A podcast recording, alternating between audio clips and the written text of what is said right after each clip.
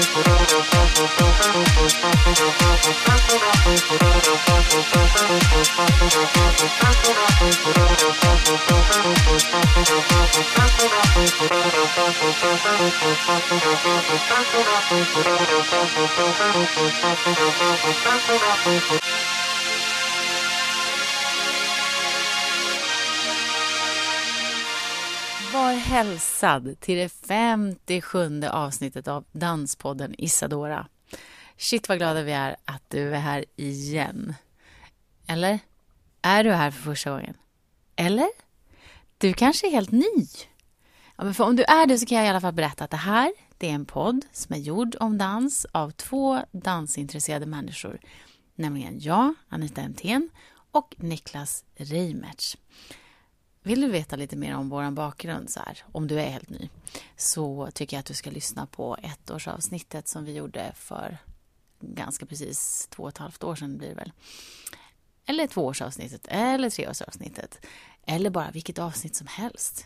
Lyssna på det så kommer du att veta lite mer om vad Danspodden går ut på. Du kommer att märka en ganska tydlig linje genom alla de här 56 andra avsnitten. Men i det första ettårsavsnittet där berättar vi om hur vi började med podden. Fast kortfattat så kan jag bara säga att det går ut på att vi pratar med dansare om dans och koreografi eller att vi pratar med dansare och koreografer om dans. Men nu till det här avsnittet. I det så träffar jag Marie Lindqvist den här klassiska dansaren som har en lång och rik danskarriär bakom sig nu arbetet som repetitör på Kungliga Balletten i Stockholm framför sig. Hon har jobbat på Operan, denna slottslika arbetsplats. Jag måste bara säga det, för att den är verkligen som ett palats. Och Den ligger också väldigt nära Stockholms eh, slott. Men hon har jobbat där i 30 år och fortsätter faktiskt där då som just repetitör sedan några år tillbaka. Och vi, när vi träffades så fick vi jaga runt lite grann på Operan för att hitta ett litet lite lugn och ro helt enkelt, för de höll på att öppna precis. Men till sist så hamnade vi korsade över en flygel i guldfoajén. Så det blev bra ändå. Men alltså guldfoajén, ni som har varit där, ni vet. Ni som inte har varit där, ni kan föreställa er. Det är guld från golv till tak och det är väldigt högt till tak. Men låt oss nu bara bege oss in i den här glimrande världen och den klassiska världen. Välkomna in! Bra! Hej eh, Marie Lindqvist och välkommen till Danspodden Isadora. Ja, kul! Ja. Tack! Ja. kan inte du berätta var vi befinner oss nu? Nu sitter vi på min arbetsplats som är då Kungliga Operan här i Stockholm. Mm. Som ligger eh, mitt här på Jakobstorg, väldigt centralt. Där man då utövar opera och ballett. Har gjort så väldigt länge. Har gjort så i många herrans år. Och nu håller man på att bygga lite grann här utanför åtminstone. Men hur är det med insidan? Hur, jag frågade dig tidigare, vad, vad är det som händer här? Hur kommer man att bygga om? Alltså, hela projektet är så pass stort och vi har inte hela inblicken i vad Nej. som är vad. Vi får presenterat eh, emellanåt vad de ligger i tanken och det kommer ju naturligtvis frågor också till oss, tror jag, till varje avdelning i huset om önskemål och hur man ser på konstruktionen och vad vi behöver. De måste ju lyssna in då vad varje avdelning behöver och hur vi jobbar och sådär. Det är väl lite där vi ligger och sen får vi höra att ja, tanken är förhoppningsvis och så får vi höra ett årtal men det är inget som är klubbat än. Nej, just det. Nej. Men vad har ni för önskemål då? Är det så här lite mindre trångt i korridorerna där bak? För oss tror jag väldigt mycket att det handlar om att få flera danssalar. Eh, För att kunna utöka verksamheten som vi håller på med och för att kunna hålla olika produktioner gående samtidigt och kanske bjuda in, kunna bjuda in koreografer samtidigt som vi kör det gamla stycket så att vi har utrymmen för detta. Det tror jag är vår största prioritet faktiskt. Mm, mm, Sen har man ju pratat jättemånga år om det här lutande golvet som vi har på scenen. mm. För det kämpar ju dansarna med och får ju ganska mycket skador och man vet Ja. ju inte men man tror ju att mycket hänger ihop med att det är lutande golv och sådär. Okej, okej. Jag trodde nästan det behövdes för att få den här... Ja, den är ju byggd så. Man byggde ju då så. Mm, ja. Med tanke också på, på salongen och hur man skulle sitta och se Ja. eh, scenen. Och då tänkte man inte så mycket på ergon ergonomi och... och Nej, precis. Det var mer... Det var något i tanken då. Nej, just det. Nej. Nej, jag trodde nästan att det var så att alla scener var... Alltså alla... Jag tror att det är ganska få scener kvar i eh, som, som har det här lutande golvet. Eller jag har inget statistiskt korrekt, så jag ska inte säga fel sak, men det, de flesta scenerna är ju platt Ja, ja. eh, när man kommer ut. Så det är en annan. Jag menar Parisoperan, det är ju ännu mer lutning när vi var där. Det var ju, kändes ju, där kändes det verkligen som man fick hålla i sig när man vände sig om. Så det där är helt otroligt hur de har lyckats dansa på, tycker jag. För jag, man ser ju inte det när man sitter här, men när man går bak, Ja. då är det ju så här, men det här är ju helt... Ja, Alltså, precis. Ja. Man kan, hur Ja. vågar man gå ut där? Ja. Man. Men det gör man. ja, det gör man ju. Men vi gör så här, helt transparent, så, så säger vi att vi fick avbryta för att det höll på att dukas fram och fixas inför öppningen ikväll. Så vi pratade om, om scenen och hur ni upplevde den och hur också, vad du vet om, om hur det ska göras om och liknande och vad ni har för önskemål. Men eh, har du, alltså utöver de här fler danssalar och så, finns det någonting annat som du, eller ni ser är viktigt? Ja, alltså om man, om man ser till huset så är det här ett så gammalt hus. Så det finns ju en del saker i våra kanske då vardagliga utrymmen där vi befinner oss då. Eh, som för oss repetitörerna att vi skulle behöva ha lite mer och lite större utrymme där vi befinner oss. Såna här praktiska saker är ju sånt man lägger fram liksom. Men ändå, och sen skiljer det sig nog lite med oss kontra operasidan och orkestern och sådär. För oss är det hela tiden ett konstant ombyte och stå i träningskläder så vi behöver duschar och det är en massa sådana här praktiska saker liksom, Ja, som ska funka. Jag tänker på när man renoverar eller gör om och sådär efter, efter att det ska bli praktiskt så kan man ju ta bort lite grann av charmen. Ja, Alltså, och, och det är så här, ja, men man får, det, man får köpslå lite grann Ja. om det med så här, vad man tycker är viktigt och Just inte. det. Jag var på Bukowskis och Ja. har inte varit där på ett tag och nu har de gjort om golvet där bland annat. Och det är så här, oj vad praktiskt och bra och det, Ja. jag förstår att man måste göra det för precis. man ska kom, komma in med Mm. vagnar och barnvagnar och, och rullatorer och liknande. Men det är ju inte samma känsla kanske. Ja, precis. Så att, Det får man väl hoppas att de bevarar ändå. ja, för det är ju Eh, så mäktigt Ja, precis. Precis. Det hoppas jag också. För det är en, faktiskt en väldigt speciell känsla att få jobba i ett sånt här hus. Det säger ju många som kommer och sådär hälsar på. Jobbar du här? Så här, Ja. Japp. Bland kristallkronorna, så det, det är klart. Ja, Ja. men känns den här världen alltså som en annan än... Jag tänker, du har ju varit här så pass länge så Mm. Ja. du, det här är en naturlig del. Ja, precis. Jo, det är ju det. Det är ju faktiskt rätt otroligt. Det är ju en liten bubbla. Det Jag, säger, jag brukar säga ibland, jag ska, nu går jag till slottet, jag. Ja, men precis. Ja, men det är ju lite så. ja. Man är lite bortskämd med miljön och så här. Det är man verkligen faktiskt. Mm. Känns det futtigt att komma hem då bara? Nej, nej inte alls. nej, det känns helt normalt. Nej, men så är det ju. Man är uppvuxen med det här och man, det är liksom det man har sett i 30 år. Så att, Ja. verkligen. Ja, men häftigt. Ja. Om jag går igenom eh, den du är utifrån det jag känner till Mm.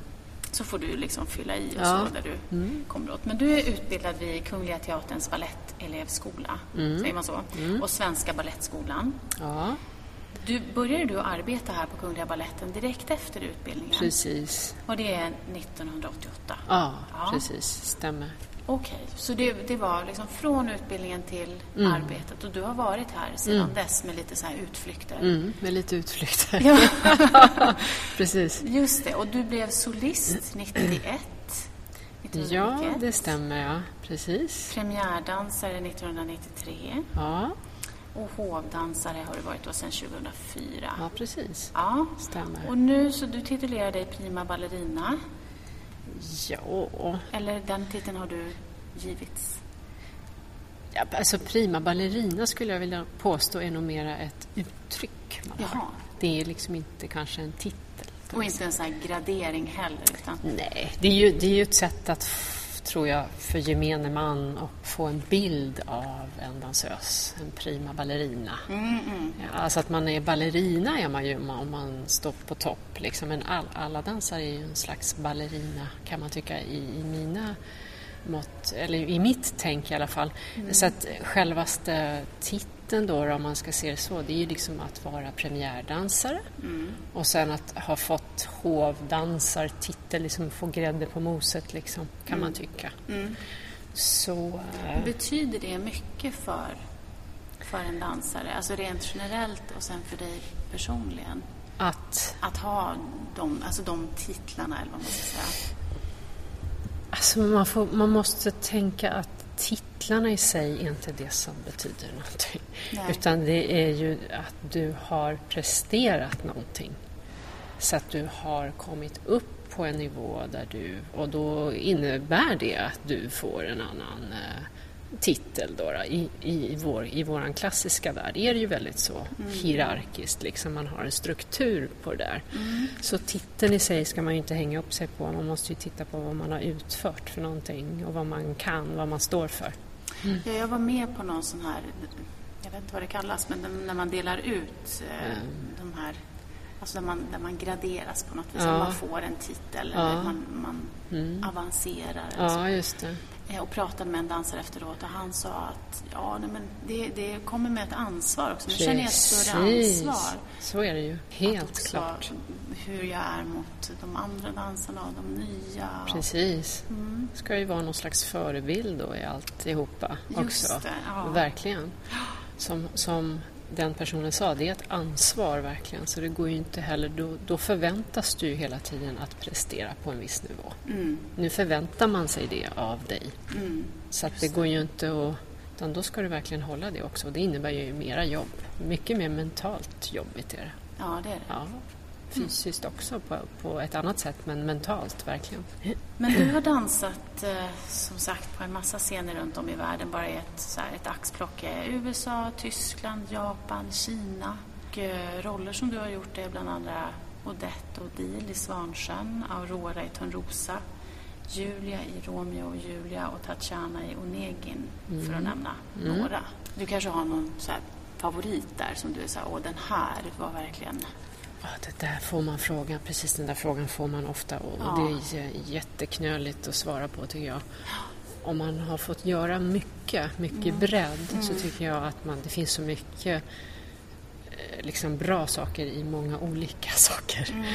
Så, så det är väldigt svårt det där tycker jag, att svara på faktiskt. Men har du varit i den eh, moderna, alltså har du dansat på en, har du hållit dig inom den klassiska genren eller?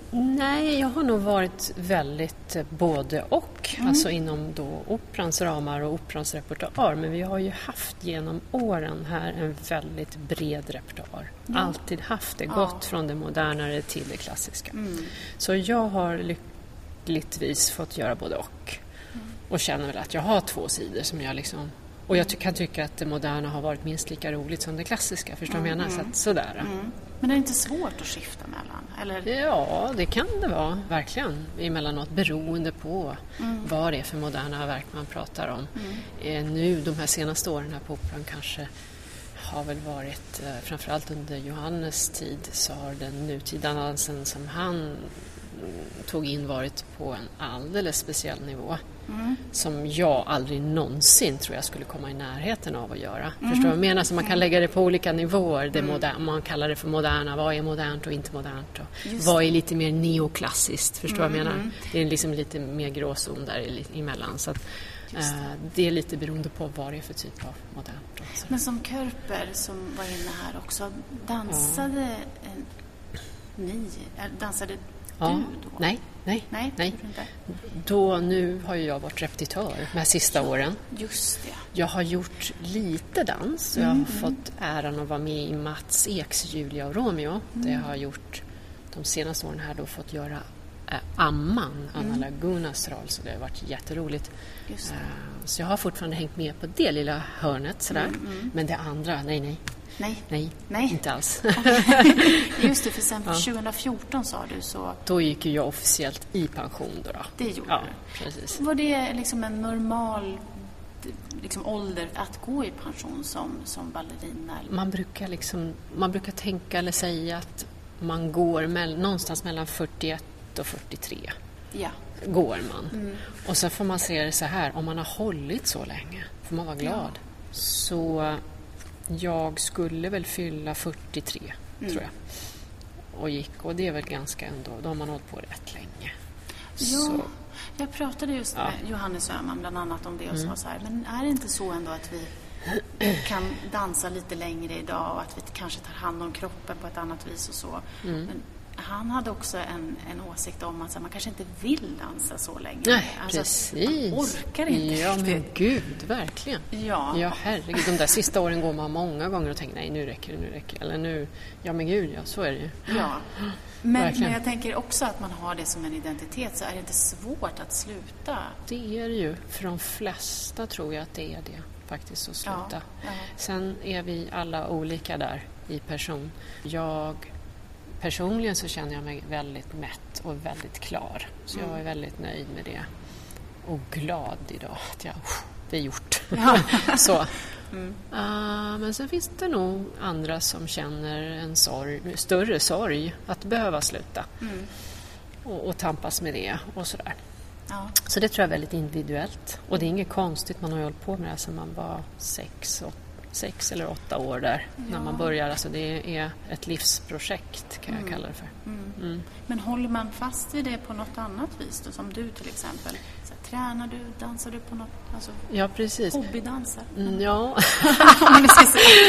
kan man dansa fredag kväll, svänger jag loss.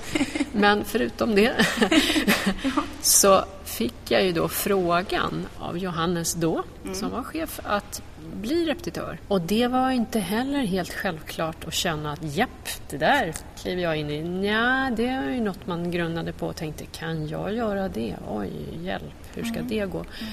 Men så tänkte jag att det är ju jättedumt att inte öppna den dörren när man har ändå så mycket i bagaget som ja. man kan ge vidare då. Mm, mm. Och nu är jag jätteglad att jag gjorde det. Mm. För nu har jag hållit på några år. Mm. Och nu som först börjar jag känna att jag har lite kött på benen men det är en jätteomställning i sig. Det är det. Att stå framför folk och så ska du få ut det verbalt helt plötsligt, allt det här som du bara har mejslat inåt hela tiden. Man, eh, som dansare, är ju, det är ju väldigt, i den bemärkelsen är man ju väldigt egocentrisk för man tänker bara inåt, man tänker på sig. Vad behöver jag för idag? Hur mår jag? Hur känns det? Vad behöver jag för arbetstider här? När jag behöver repetera det. Alltså det är mycket runt individen, ja. sig själv, vilket det ska vara. Mm. Och så helt plötsligt hamnar du då på andra sidan och så ska du då stå framför dansare och driva dem och mm. få dem att uh, vilja mm. också kanske tänka i en ny bana. Inte alltid så lätt. Man har gärna sin uttänkta bana mm. som man har mejslat själv på så ska man stå framför folk där man ändå ska dirigera dem i en, kanske en annan riktning eller inte bara säga sträck på foten och du är ute ur linjen utan coacha folk mm. hur de ska tänka och hur de kan tänka annorlunda mm. och sådär. Så då, då kommer det här verbala och att man ska få ut det på rätt sätt. Då bör man ju tänka väldigt mycket igen inåt. Men gud, hur ska jag få fram det här till den där personen då? Mm, mm. Sen kanske jag måste säga annorlunda till henne än vad jag ska säga till honom för att mm. få fram samma budskap. Mm. Så kan det vara. Men har du någon repetitör som du... Alltså, du har arbetat med repetitörer som mm. kanske har varit bra och mindre bra. Ja. Som du kan härleda till och tänka. Ja. Delvis är det så men jag tycker nog väldigt mycket när man väl hamnar där själv så handlar det väldigt mycket om att hämta från dig. Ja. Inte vad någon annan har sagt mm. utan det handlar om vad, vad jag har. Mm. Så du måste liksom researcha lite inåt igen i dig för att få ut det liksom till dem. Men så det är ju en helt ny, helt ny roll som du ändå har arbetat med mm. tidigare. Mm. Men jag tänkte på, privat så vet jag att du har en dotter som är tonåring. Ja. Jag vet inte om hon dansar eller inte. Nej, hon dansar inte. Hon dansar inte. Nej. Men eh, jag, jag, tänkte att jag skulle stanna upp där lite grann för att mm. jag tror det var 2001 så såg jag det här dansverket 252 dagar som Örjan ah, Andersson gjorde. Ah. Och det var för SVT, ah, en, en produktion precis. för SVT. Där det var två höggravida ballerinor. Det var du och Anna Waller. Ja. Eh, och jag blev jättefascinerad. Jag har pratat med honom om det också. Ja. Men ni var ju inte, det var ju inte något låtsas... Oj, förlåt! Något låtsasmagar, utan ni var gravida på riktigt. Ja. Kan du berätta lite grann? Alltså det var väl, kan man säga, ett litet riskprojekt Mm. faktiskt. För att Anna framför allt, hon skulle nog föda inom... Jag kommer inte ihåg exakt om det var fyra veckor eller åtta veckor eller vad det var. Mm. Något sånt var det. Och jag låg väl någon månad efter där då. Så det var ju lite risky samtidigt. Nej men vi tyckte väl bara att det var en jättespännande idé. Så att det var ju lite tryout. Går det? Ja, Kan vi röra oss med de här magarna? Jag menar, går det? Och där stod Gurjan, han är ju ganska ändå... Vi stod ju inte still, det kan man ju inte påstå. nej, nej. Så att, eh, nej men det var kul. Mm. Det var kul att få göra det, väldigt speciellt. Eh, Ja, jag vet inte om jag har sett något liknande. Nej. varken Före eller efter. Det vann Nej. priser också. Ja, jag tror till och med det fanns en, eh, ett moment där man ser att det sparkar i Annas mage. Jag tror till och med att kjolen, liksom sådär. Ja, det, var, det var ju helt, nu när man tänker efter så var det ju helt galet. Men ändå, det var ju fantastiskt. Ja, du Ja. kände dig inte oroad eller något sånt? Nej, det gjorde jag inte. Nej. Det är skillnad om man kom hem och kanske kände att man höll på att svimma omkull och kände att gud, så- nej men det, så var det ju inte. Nej. Så att, eh, vi, var, vi var nog rätt okej, men vi visste samtidigt att Mm. det kunde ju hända liksom, att det kommer något. Precis. Men hur länge dansade du som gravid då? Du stod inte på scenen då? Nej, gud. Där var det tvärtom. Mm. Nästan, från den, nästan från den stunden jag visste att jag blev gravid. Då sa Mm. jag bryt och då bröt jag. Jag kände inte att det kändes fysiskt. Jag kände inte det. Mentalt och fysiskt kändes det inte bra att fortsätta stå och hoppa och skutta. Och jag dansade Giselle då, vilket Ja, är ja. en jättehoppig, stor, krävande roll. Mm. Så att där sa jag nej och det gick bra med den dåvarande chefen Nils-Åke Häggbom där som var jättesnäll också. Mm. Sådär, så att ehm, jag var borta ganska länge. Jag tog verkligen ett break. Ja. Ett och ett halvt, två år tog det väl innan jag var tillbaka igen. Hur kändes det? Det var... Då var ju det för mig uh, jätteväsentligt, tror jag, att få ett break. Det var välkomnat att få något annat. Okej. För, att, för, för min del, sen 17-18 års ålder, så gick det väldigt snabbt fram och jag fick mycket krävande saker hela vägen. Så jag var ganska slutkörd då, Ja. kommer jag ihåg. Ja, Faktiskt. men småbarn kan ju också vara lite så här... Det blev blir något annat. Kämpigt. Ja. Men, men sen när du kom tillbaka, hur var det? ja, man gör ju det ganska snabbt. Men som jag sagt, i kroppen så kände jag inte att jag... Det tog mig två år Mm. liksom innan jag kände att jag var tillbaks i min kropp. Även om jag stod på scen och jag gjorde en massa saker. Stod och dansade Svansjön efter ett halvår. Mm. Men jag kände mig inte i min kropp. Liksom. Så den biten tog ju tid. Mm. Men sen är det ju, det är ju som att kliva rakt in i skorna igen. Det är ingen större skillnad. Så jag skulle bara vilja säga att det blev bättre. Man blir lugnare, tryggare i sig själv. Man behöver inte ha sånt eh, total, eh, hur ska jag säga, upplägg och, och ha så total kontroll längre, för det kan man inte ha. Mm, mm. Vissa dagar kliver man in på huset, man har sovit tre timmar eller vad det nu är, man har inte hunnit förbereda det eller det och sen lär man sig att, tycker jag, bli mognare och ta det mer i stunden som det kommer. Ja. Så det tycker jag har varit två olika karriärer, så här, innan barn och efter barn. Och jag kan säga att det efter barn har varit bättre. Det är många sportkvinnor också som säger det. Just att Mm. Till och med att de blir starkare Precis. eller mer motiverade. Ja, verkligen. Det Otroligt. Undrar om det händer någonting rent alltså, med kroppen, rent fysiskt Ja. eller hormonellt. Eller att vi- Kanske. Ja. Till, eh, till grunden då. Hur Mm. var din uppväxt? Min uppväxt var väl ganska vanlig familj. Eh, Min pappa var brandman. Min mamma var ju då hemmafru väldigt länge. Och sen så jobbade hon i skolan, i skolköket. Mm. Så vi har egentligen inga så kulturella, eller jag har inga kulturella så eh, föräldrar men min mamma hade såklart intresse i dans. Hon Mm. dansade själv då Okej. när hon var yngre upp till 18 års ålder. Så det var väl tack vare henne som jag och min syster, att hon pröva, eller hon satte väl in oss där i tidig ålder för att kolla om det liksom funkar. Liksom, Ja, ja, just det. Och, och det var tidigt verkligen. Det var, jag var sex.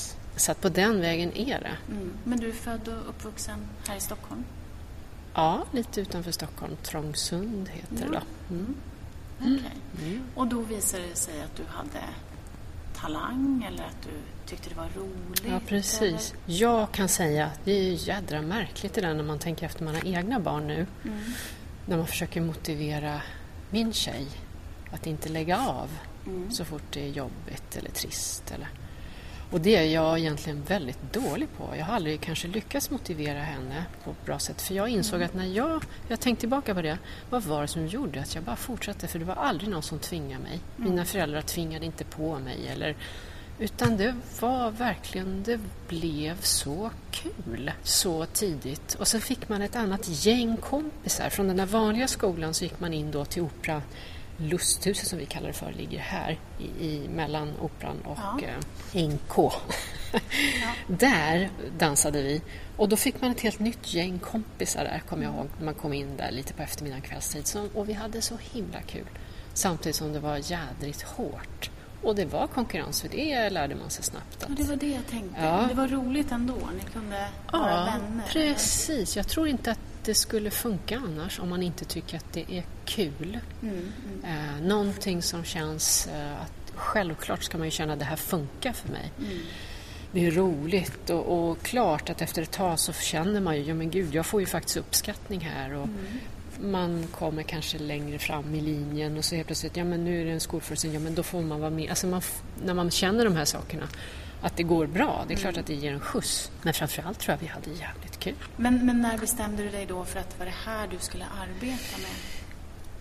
Jag har aldrig tänkt så. Nej. Eftersom jag började så tidigt så har det nog blivit faktiskt som en självklarhet på vägen. Vilket kan låta lite läskigt för om det nu inte hade gått vägen så hade det ju inte gått vägen. Mm. Men, men jag tror så här när man kommer upp där i tonåren, sjuan, åttan, där, sjuan, åttan, nian, då börjar man ju fatta mer att det här är inte bara kul utan det här är ju på allvar. Ja. Och vi ska alla ha jobb och vi ska alla stå och göra audition samtidigt. Och där var det kanske ibland vissa som började eh, tänka annorlunda. Mm. Vill jag det här, ska jag det här, det här är jobbigt, liksom så. Men då har man ju kommit så jädra långt på vägen, man har hållit på så länge. Så att då kör man ju liksom bara, i alla fall jag. Mm. Så att jag har aldrig haft någon sån här aha-upplevelse, nu ska jag bli dansare. Nej. Inget sånt här vägval att egentligen så skulle jag vilja testa det här Nej. eller nej. Det föll sig antagligen väldigt naturligt för mig. Mm. Det antagligen var det väl ett rätt element för mig. För jag har aldrig ifrågasatt det riktigt. Och inte dina föräldrar heller. De. Nej, de har inte heller ifrågasatt det på det sättet. Din syster, Mm. fortsatte hon också att dansa? Hon fortsatte att dansa ett tag, Mm. men dansar inte längre. Var det någon grej då? Nej, det har jag aldrig upplevt. Nej. Faktiskt inte. Nej. Aldrig. Vad är det som har drivit dig då? Är det att ha kul? Ja, det där är ju en knölig fråga. Jag tror självklart är det kul. Jag tror att det blir någon slags, jag kan inte förklara det riktigt.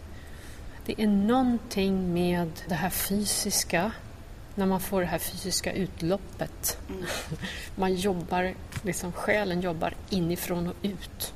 Det är som att man mår bra av det. Förstår? Mm. Mm. Man mår själsligt bra av det. Sen kan jag inte påstå att det har varit så himla kul när man väl fick jobb sen, hela vägen. Mm, mm. För att kraven blev ganska mycket, i alla fall på mig. Och jag fick kraven väldigt tidigt. Och jag tror kanske att jag satte störst krav på mig själv, Mm. tror jag. Mm. Jag pressade mig själv, tror jag, lite för hårt faktiskt. Så ett tag där var det inte så kul för mig. Nej. Då tyckte jag att det var, det var nästan lite för mycket. När var det? I mina unga år, eh, allt där mellan 17 och 18 års ålder ska jag väl säga då, till, ja, till 25. Jag menar, jag fick eh, alla världens möjligheter och eh, kliva in i huvudroller och allt, så det är ju liksom drömmen. Men det kom så tidigt så att jag, det blev nästan lite för mycket, kände jag. Mm. Jag gjorde inget annat. Det var bara äta, träna, sova, äta, träna, sova, upp och försöka liksom gå in och prestera. Hem, sova, träna, äta. Alltså det, Mm. den biten är ju ändå, får man inte glömma, att det är ju en uppoffring man Ja. gör. Ja, ja, Mm. ja. Jag För att stå just, där. Ja, jag tänkte just fråga om det är någonting som du upplever att du har offrat för att, för att dansa. Alltså jag, jag, jag känner ju inte så. Jag känner ju inte som att gud, jag har missat min ungdom. Jag fick Mm. aldrig vara ute och... Jag känner ju inte så. Jag Nej. har ju fått så jädra mycket. Jag känner mig mera idag, nu när jag har lagt skorna på hyllan, så här, jag är pensionär. Gud vad skönt! Nu är det ju bara så här, japp, jag går ut och nu tar jag vara på det liksom. Ja. Och det är jätteskönt. Jag tycker inte att jag har missat något då. Det tycker jag inte. Jag är glad för att jag... Jag är jätteglad för att jag hade dansen. Ja. För än en gång jag tänker på min dotter, vad hon står i livet nu och hon ska välja, vad ska hon göra? Och så, här. och så tänker jag på mig själv, men gud, det var så självklart för mig. Så det är jag väldigt glad för. Att det kom så självklart och så tidigt. Och, Hur tycker du det är att åldras då som dansare? Du har varit lite inne på det. mm, att åldras när man fortfarande är aktiv dansare. Jag kan ju säga att efter 30 så är det ju, är du ju som bäst upp till om du får hålla fysiskt. 30, 35, över 35 till och med skulle jag vilja påstå 36. Sen 37, 38 där, då började jag känna att nu... Jag kan ju säga att jag har en väldigt stark kropp så jag har ju lyckats hålla väldigt länge sådär. Glad för det, men då börjar man ju känna. Efter 30 kan man väl säga att där måste du lägga om din träning lite fysiskt för du kan inte dra på lika fullt. Mm. Du kan inte vara på 120 liksom hela tiden. Då måste du vara smart och veta var du håller igen och när du ska dra på och sådär. Mm. En del säger att man ska värma upp mer när man är... Äldre, ja. ja. men det stämmer. ju. Ja. Mm. Återhämtningen tar ju mycket längre tid. Men det, det är väl som, som det är med livet när man blir äldre generellt. Så att visst blir det tyngre och, och jobbigare Mm. ju äldre du blir. Fysiskt blir det det. Eh, absolut. Men mentalt så har du ju hittat en helt annan väg. Ja. Så det, är, det, är lite så här, det blir en balans. Ja, ändå. lite grann. Ja. Om, om man tänker på unga som utbildar sig idag och vill Ja. börja dansa och så, eller, eller har bestämt sig för att satsa på det. Mm. Vad skulle du vilja ge för råd och tips? Om, en, om vi nu säger unga, då tänker vi då... Hur unga tänker vi då? Jag tänker att Tio?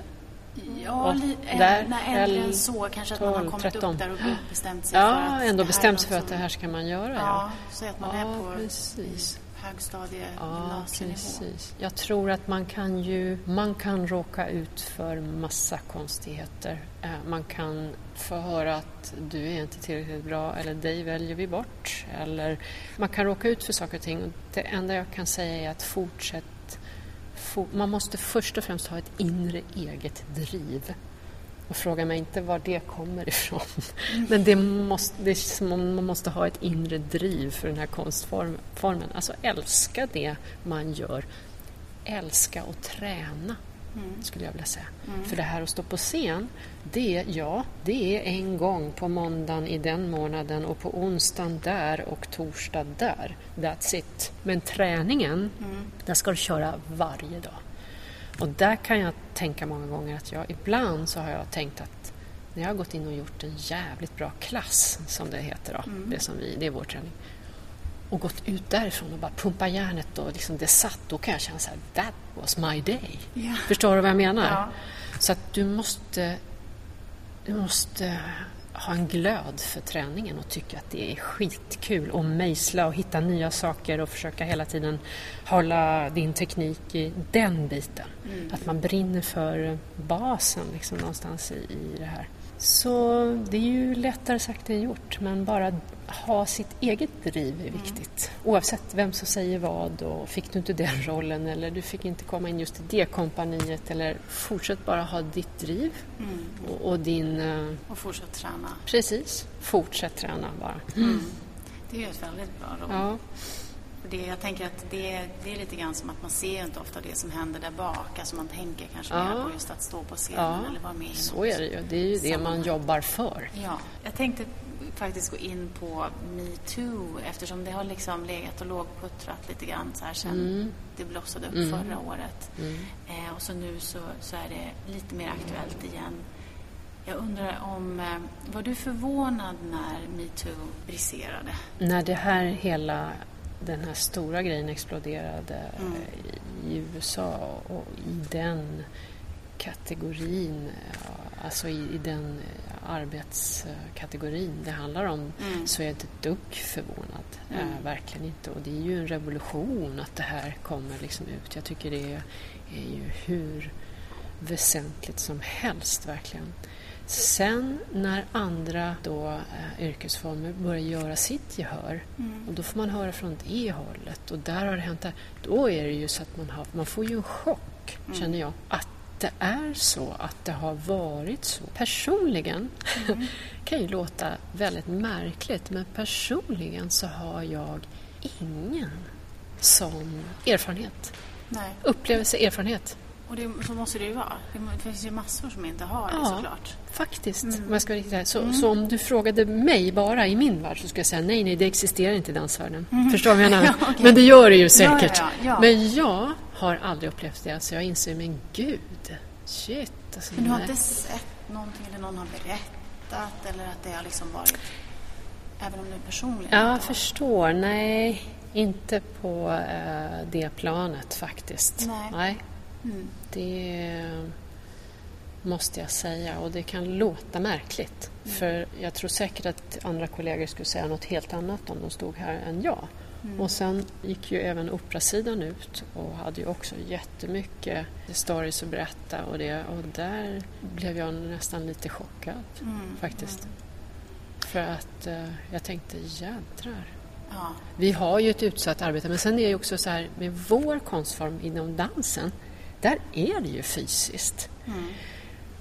Jag menar, man blir ju också från när man är liten så man måste bli rättad, man måste bli, det är ju fysiskt alltihopa. Vi tar ju på varandra hela dagen och svetten rinner och eh, du vet vad jag Mm, menar. ja. Så det hör ju till. Så att det enda jag är orolig för med metoo är att det också slår åt andra hållet på ett felaktigt sätt. Mm. Vi måste fortfarande kunna driva verksamheten på ett bra sätt och på en bra nivå. Det är det enda jag känner, att man får inte utnyttja det här på ett felaktigt sätt. Mm.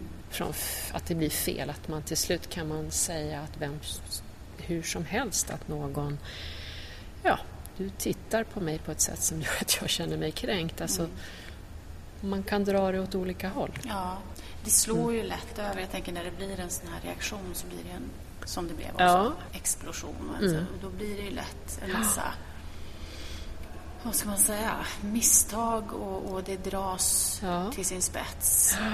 Lite, lite väl. Och, och för vilket också i min bransch, mediebranschen, Ja. där har ju varit väldigt Ja, mycket diskussioner. precis. Det har varit tragiska Precis. saker som har liksom inträffat Precis. också av det. en mängd olika Ja. anledningar. Det. Så att där, där går man ju också igenom någon slags katarsis. Så man så här renar sig och så här, vad har vi gjort rätt? Vad har vi gjort fel? Hur ska vi göra med det här? Ska vi det. hantera sådana här frågor? Ja, det är väl det man hoppas att det ska komma någonting vettigt ur allting. Ja, Eller hur? ja verkligen. Att man hamnar på en gemensam nivå där man ska fungera som medmänniskor i Ja. arbetet liksom, på ett Ja. vettigt sätt. Jag tänker på de unga idag. Jag såg eh, någon så här runda bordet paneldiskussion med, var det 15-åringar eller något sånt? Ja. Eh, det var nog i Nöjesguiden här för några år sedan. Mm. De, alltså det känns ibland som att det går, du vet sådana här revolutioner eller vad man ska säga, så Mm. går det också tillbaka lite grann generationsmässigt. Så de hade Ja. åsikter och värderingar som nästan kändes som 50-tal. Alltså man Aha. verkligen så här, men det känns också Ja. som att det är, en, det är lite grann på tapeten nu i tiden att man Ja. utmanar det här också. Varför är det så dåligt att vara konservativ eller, eller att Ah, vara. Att, se till det traditionella könstänket och så. Ja, ja. Så jag vet inte, har, märker du någonting av det bland de bland yngre som du umgås med? Nej, det kan jag inte tycka faktiskt att jag märker någonting av. Jag tycker mer att de är en annan generation. Eh, Men det, det är något helt annat, hur de tar till sig av koreografi. Och Ja, hur gör de det? ja, men de, de, är, de är en annan, eh, ett annat gäng på något sätt. Och, och allting, det är en annan... eh, Det är ju annorlunda idag, så här är det ju hela tiden. Det går ju framåt, allting förändras ju hela tiden. Mm. På gott och på ont och sådär. Men de har ju så himla mycket bredare det här med Youtube, mobiler, söka på en halv sekund. Kan man gå in och se, man kan se full föreställning av det eller man kan se gala där, där den dansar det, man plockar upp. Alltså det är ju mm. sånt, bredden är ju så mycket större kan mm. jag tycka idag i information. Medan när jag kanske var yngre då och stod man framför den läraren eller den coachen man hade och fick den instruktionen och det är det som gäller någonstans. Så hade du möjlighet att se en föreställning så såg du en föreställning eller hade du möjlighet att åka och gästa så fick du ta del av det kompaniet och ta in liksom intryck och så här. Men idag är det ju så, jag vet inte, intrycken är mm. så... Där kan jag känna att de är ett annat gäng. Bra eller dåligt? Eh, både bra och både dåligt. Mm. Ma man känner att de, de, är jättehungriga och vill lära sig, absolut. Mm. Och samtidigt så känner man att man ska ha ganska mycket pondus och eh, bra belägg för vad man säger mm. också för att det ska gå fram. De har mycket mer skinn på näsan än vad kanske min generation någonsin har haft. Och det är kanske på gott och på ont. Ibland tittar jag på dem och tänker men gud om jag hade det där självförtroendet när jag var... Vilket jag absolut aldrig har haft. Mm. Vilket kanske är bara dumt. Men de har det. Men varifrån kommer det tror du? Alltså, att de har... Vad grundar det sig på? Jag kan inte riktigt svara på det faktiskt. Men de är en tuffare generation. Mm. Så säger jag det. Vilket är ball och häftigt. Jag kan se, vi har dansare i kompaniet som också verkligen går in och levererar och man ser att de tvekar inte en sekund. De bara går in, bara. De tror på sig själva mm. så hårt och det är ju sketbra. Mm. Sen är det inte alltid rätt. Måste man säga, ho, ho, vänta här nu, stopp, stopp, stopp, måste vi ta det lilla lugna. Men de har det i sig, drivet, mm. där de bara, japp, där var jag. och det kan jag tycka är så här, wow! Och hon lyckades. Yes, she went in and she did it. Och då är jag så här, wow, bravo! gratulerar. Liksom. Ja. Sen är det ibland det kanske inte funkar. Men det är en annan generation för mig. De har en annan, ett annat driv, ett annat tänk, en annan självsäkerhet upplever jag det som, som kanske inte vi har haft på det sättet. Har det någonting med barndomen att göra eller hur vi ser på barn idag? Jag tänker på jämför jag min uppväxt med, ja. med eh, hur mina barn växer upp så tänker jag att oj vad engagerad man är idag som förälder och i det ena ja. och det andra som jag tänker att det här brydde sig inte mina föräldrar om överhuvudtaget. Nej. De diskuterade inte Nej. det ena och det andra om mig och hur jag mådde och hur, Precis. tror jag, på den nivån som man gör idag. Ja. Man överanalyserar kanske idag. Ja, det tänker man ju ibland att man kanske gör. Kanske. Så här, nu kanske man lägger ner lite för mycket tid ja, på det här. Just det.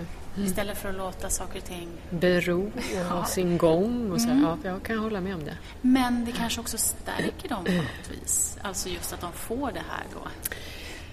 Ja, det, det, om man nu ska flika in någonting i det du sa. Det kanske blir att vi lägger väldigt mycket större fokus. Så mm. de känner att de får väldigt mycket fokus. Mm. Dagens barn, tänker jag då. Mm.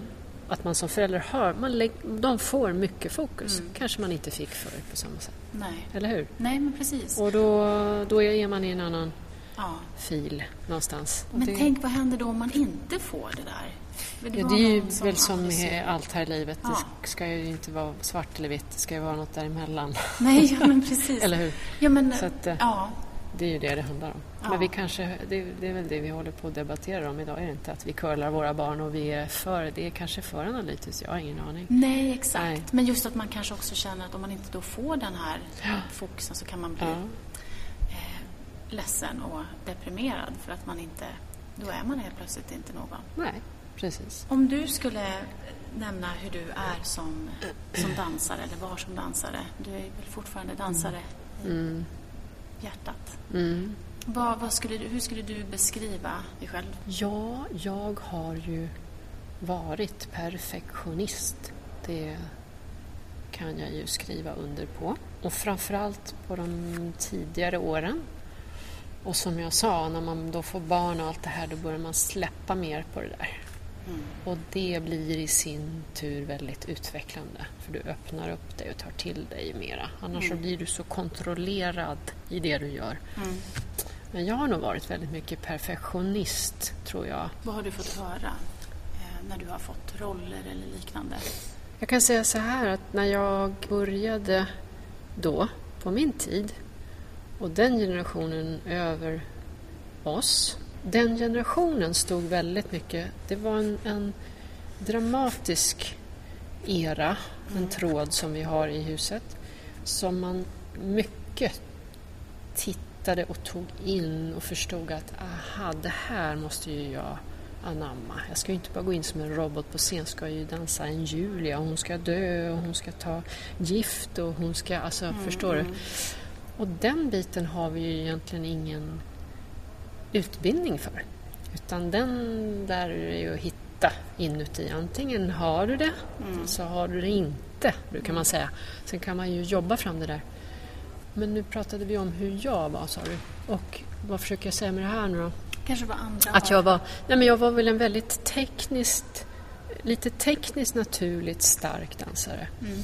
Men då när man kom in, och det här är ju från person och individ, vad man tar in och hur man tar in och vad man vill med sig själv. Mm. Men jag jobbade nog mycket för att få fram också den där dramatiska ådran och få fram liksom skådespeleriet också i din dans så att du blir en full konstnär på något sätt på scenen. Sådär. Så det kände jag också var viktigt. Mm, att man lägger en innebörd också även i abstrakta balletter. Mm. Du har en egen tråd, en egen story någonstans. Mm. Vad det rörelsen betyder.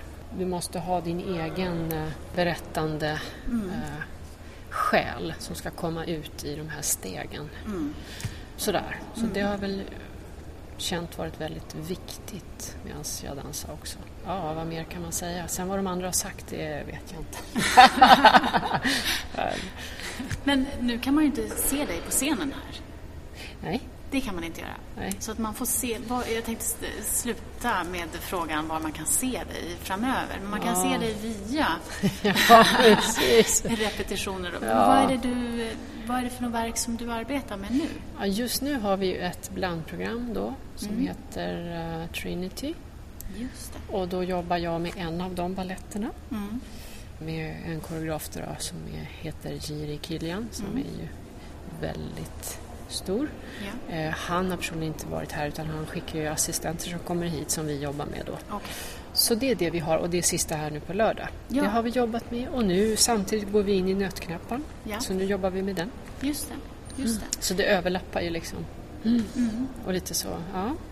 Och sen kommer det nästa produktion att komma. Snart kommer det börja att man måste titta på den lite. Så att det överlappar hela tiden någonting. Hur är det att arbeta med eh, chefen nu efter eh, Johannes Rönnman? Jo, det är eh, utmanande även som repetitör när man eh, har jobbat med en person i en viss form.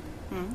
Och så kommer då Nicolas som också är fransman och det är ju en utmaning i sig. Mm. Jättespännande. Mm. Han har ju ett annat tänk ja. och, som man måste anamma. Så att, och jag tycker väl att Förra året var väl fortfarande kanske inte riktigt hans år så det här är ju hans liksom första år mm. som chef. Så det är ju inte förrän nu egentligen som vi alla ser vad han, jaha, vad han står för. Mm. Okej, det här är hans repertoar. Mm. Så han börjar ju lägga den grunden liksom nu. Men det är ju jättespännande mm. att träffa honom som person. Ja, just det. Um, verkligen. Och mm. han har ju också haft sin karriär som sin superstar liksom i, i Paris. Och så kliver han in i den här formen. Det är ju också något helt annat. Ja, ja verkligen. Har han lärt sig så... svenska då?